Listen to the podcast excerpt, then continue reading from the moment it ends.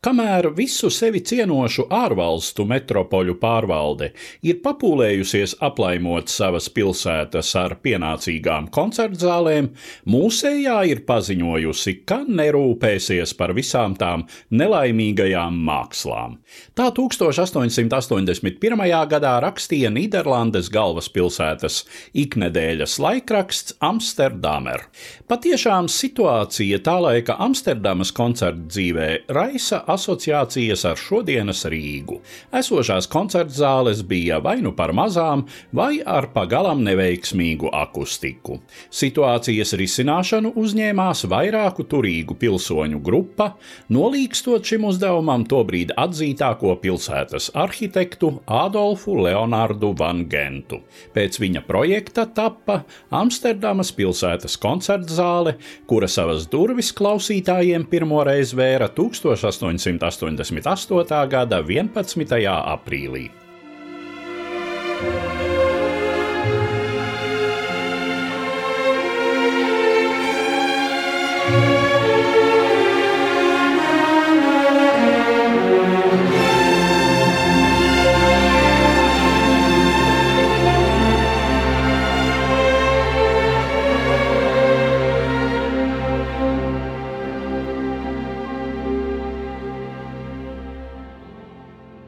Jāteic, Van Gens ar uzviju attaisnoja uz viņu liktās cerības. Amsterdamas koncertzāles akustika izrādījās nepārspējama. Koncertzāles mājaslapā lasāms, ka šo fenomenu tā īsti nespējot atšifrēt arī mūslaiku mērinstrumenti. Šodien mūzikas mīļotājiem nekur pasaulē nav svešs Amsterdamas koncertgebau vārds, kas burtiski tulkojot no flāmu valodas nozīmē koncerta ēka. Un nemazāki nopelni kā izcilajai ēkai šai ziņā ir arī tās simfoniskajam orķestrim, kas tika dibināts dažus mēnešus pēc koncerta zāles atklāšanas.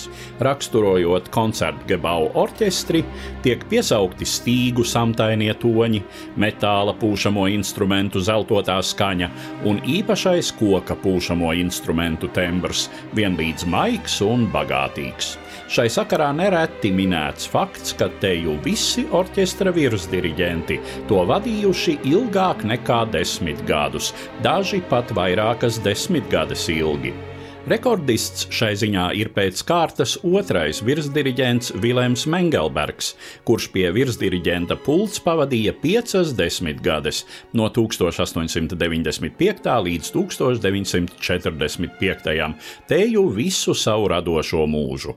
Mengelberga laiks bija īsts orķestra zelta laikmets, kad tas pirmatskaņoja daudzu izcilāko sava laika komponistu darbus, un vairāki no viņiem veltīja kompozīcijas īpaši šim orķestrim un tā vadītājam. Rihards Strauss, simfonisko poēmu Varoņa dzīve, Sergejs Rahmāņinovs, simfonisko poēmu Zvani, Gustavs Mālers savu piekto simfoniju, kura koncertgebau orķestra un diriģenta Rikardo Šaī izpildījumā skan arī šajā sižetā. Ar Māleru orķestrim izveidojās īpašas attiecības. Komponists personīgi diriģēja vairāku savu nozīmīgāko darbu atskaņojumus un pat pieslīpēja dažus savus darbus Amsterdamas koncerta zāles īpašajai akustikai.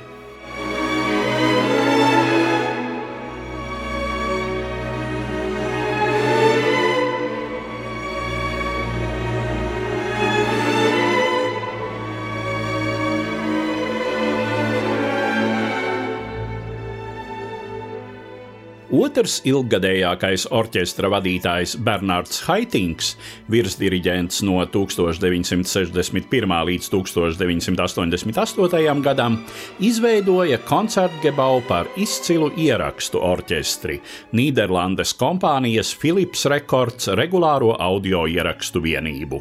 Savukārt diriģents Ricardo Šaī pagājušā gadsimta pēdējā desmitgadē aktīvi ieviesa repertuārā 20. gadsimta vidusklasi klasiķus Hindemitu, Mesijānu, Stravinski, Varēzu.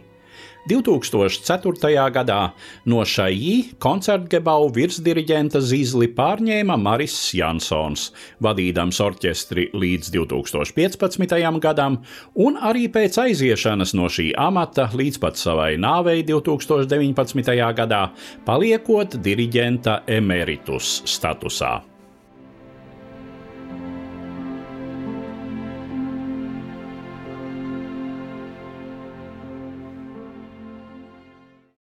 Stāstīja Eduards Liniņš.